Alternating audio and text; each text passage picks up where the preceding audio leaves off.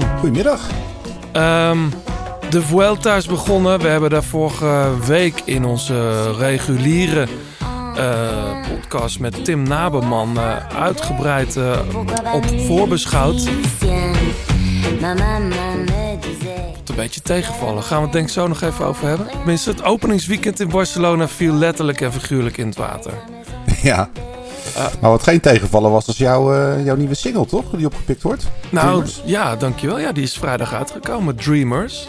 Ik heb niet te klagen over aandacht, nee. Uh, het staat op heel veel playlists. Op radio's wordt het gedraaid. En ja, is erg lekker. Ook wel spannend als je iets nieuws uitbrengt. Dan, ja, nog steeds? Ja, vind, ja, ja. Als, dat ook, als je daar nou ook niet meer gespannen voor bent, dan weet ik niet of je in het goede vak nog zit. Maar nee, had wel een ouderwetse kriebel in mijn buik. Van, uh, ja, het is toch spannend. Je werkt lang en hard aan iets en dan komt de eerste trek uit. Uh, ja, het is toch, uh, toch altijd weer een bijzonder moment, vind ik. Ja, en ook heel lekker om het gewoon de wereld in te slingen. Maar goed, terug naar de Vuelta. toch? Ja, tuurlijk. Um, ja, wat ik zeg, een beetje een vreemde start. Zondag ook dan. Ja, waar, waar, wil, waar wil je mee beginnen, John? Want, of, of uh, kijk, nou ja. even voor de helderheid. Je, je luistert uh, naar een, een exclusieve podcast voor onze Petje Af supporters. Het eerste deel staat gewoon online op alle platformen. Maar um, de hele episode is alleen beschikbaar voor Petje Af supporters. Dat terzijde.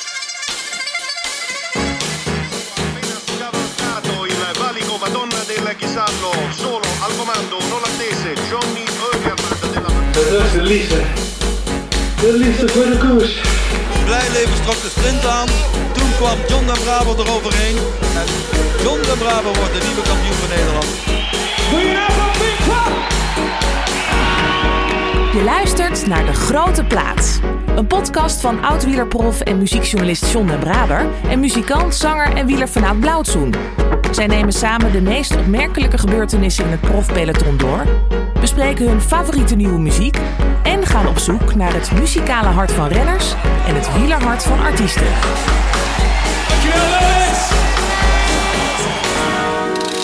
We gaan vandaag uitgebreid, is ook al beloofd...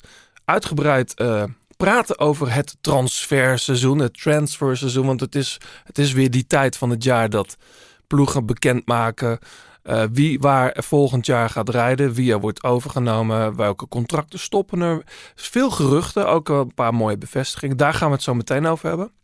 Maar uiteraard ook even over de Vuelta. Ja, een, een, een, crazy uh, openingsweekend. En uh, wie had er ooit gedacht dat Milesi en Piccolo de eerste leiders zouden zijn?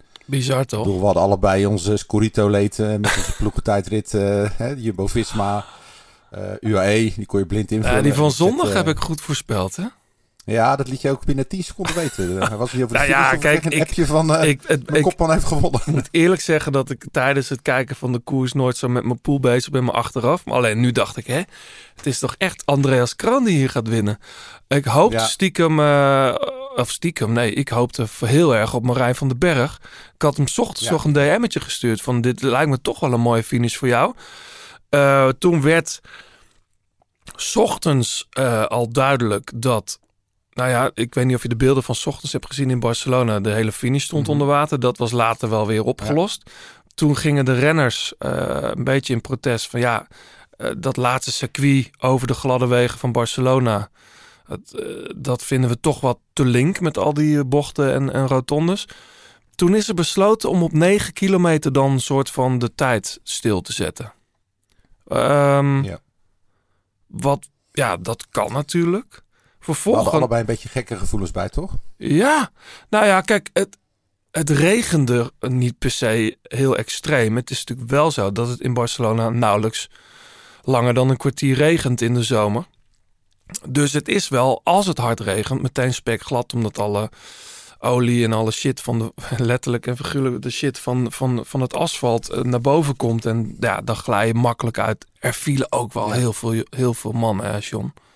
Ja, ja, het is gewoon pure pech. Die ploegtijd het ook, weet je. Dat, dat, Dan zie je even een boel fulminerend van hoe gevaarlijk het was. En, maar ja, wat kan die organisatie daar aan doen? Nee, maar goed. Nee, zeker kan. In dit geval denk ik echt. Kijk, de, de, de ploegentijdrit start altijd. Of de proloog in de Vuelta start altijd laat.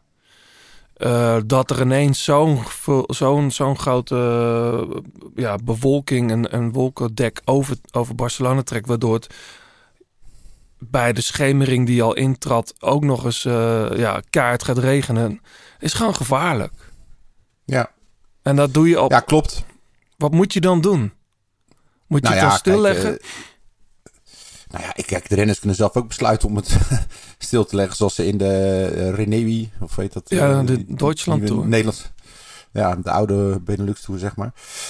Oh ja, Maar sorry, ja, weet je, kijk, ja, aan, ja. aan, de, aan de ene kant is het natuurlijk wel, ehm, wel gek dat je als klassementsrenner, bedoel, eh, gladde wegen horen ook bij wielrennen. En eh, als er een keien-etappe in de Tour zit, dan eh, zegt ook iedereen het hoort erbij. En ik bedoel, ja, ik vind, ik vind het nogal wat dat je 9 kilometer van een, van een wedstrijd neutraliseert.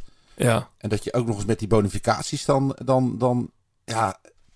Ik, ik, ik had er gewoon een gek gevoel bij. En vooral omdat alle klassementsrenners gelijk lieten lopen. nou weet je wat, wat En- vooral gek is? Je, je zegt dan oké, 9 kilometer, daar stopt het. Maar dan heb je wel bonificatiesecondes op de Montjuïc. Ja, De, nou, dat bedoel ik die dus. trouwens niet goed werden opgemeten. Want de jury, heb je dat nog gezien? Ja, ja, ja. De jury was op zoek- publiek? Naar, naar foto's en video's uit het publiek om te kijken wie daar dan als eerste boven was. Nou, ik, dat vond ik dan wel echt van een amateurisme. Ja, het is geen vlotte start geweest voor onze Spaanse vrienden. Dat, eh, dat kunnen, we, kunnen we duidelijk zeggen. Nee. Nou goed, Maar het is, ja, het is gewoon, weet je, je, je hebt ook een, een, eh, een, een afdaling sowieso als laatste paar kilometer. eh, Ja. Die berg af. Dus dan zoek je het ook wel een beetje op. Maar ja, je, krijgt steeds meer het idee, en daar komen we later ook nog over te spreken. Dat het parcours eigenlijk, ja, dat de, de, de renners niet meer zo ertoe doen. En dat, ik zag ook, Nee, maar week. normaal gesproken zonder regen was hier toch helemaal niet zoveel mis mee. nee, maar het, het begin van de... Toen niet de- zoals in de Renewi Tour, waar, waar de renners ook zijn gaan staken, echt letterlijk. Hè? Ja, ja, ja. Ja, maar die hadden ook al een, een, een, rit. Ik weet niet waar het precies was. Voor mij de eerste etappe. Er was gewoon één, één lange bocht. was gewoon de finish. Ja. Dat ik echt denk, serieus, weet je, wie, wie keurt dat goed? Nee. Daar moeten gewoon duidelijke regels over komen. En je hebt, je hebt in het wielrennen gewoon zoveel organisaties die zich met veiligheid bezighouden. ja. Terwijl de UCI natuurlijk eindverantwoordelijk is. En ja, je weet gewoon, een UCI-lid wordt naar een land gevlogen eh, en gefetteerd. En die moet een parcours gaan keuren. Ja. Ja, en die zeggen daar gewoon dan ja tegen. Ja. En dat, dat, dat begrijp ik gewoon niet zo. Nee. Het zou misschien eens interessant zijn om iemand van de, van de UCI hier eh, bij ons aan tafel te krijgen. Daar gewoon eens over te praten. Ja. Een jurylid.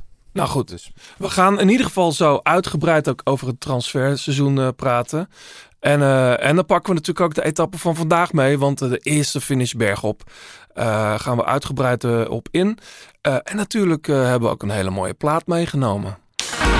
Je luistert nog steeds naar De Grote Plaat. Heb je tips of heb je een vraag? Laat het dan weten via Twitter, het Grote Plaat of Instagram. En laat een reactie en een beoordeling achter op Apple Podcast.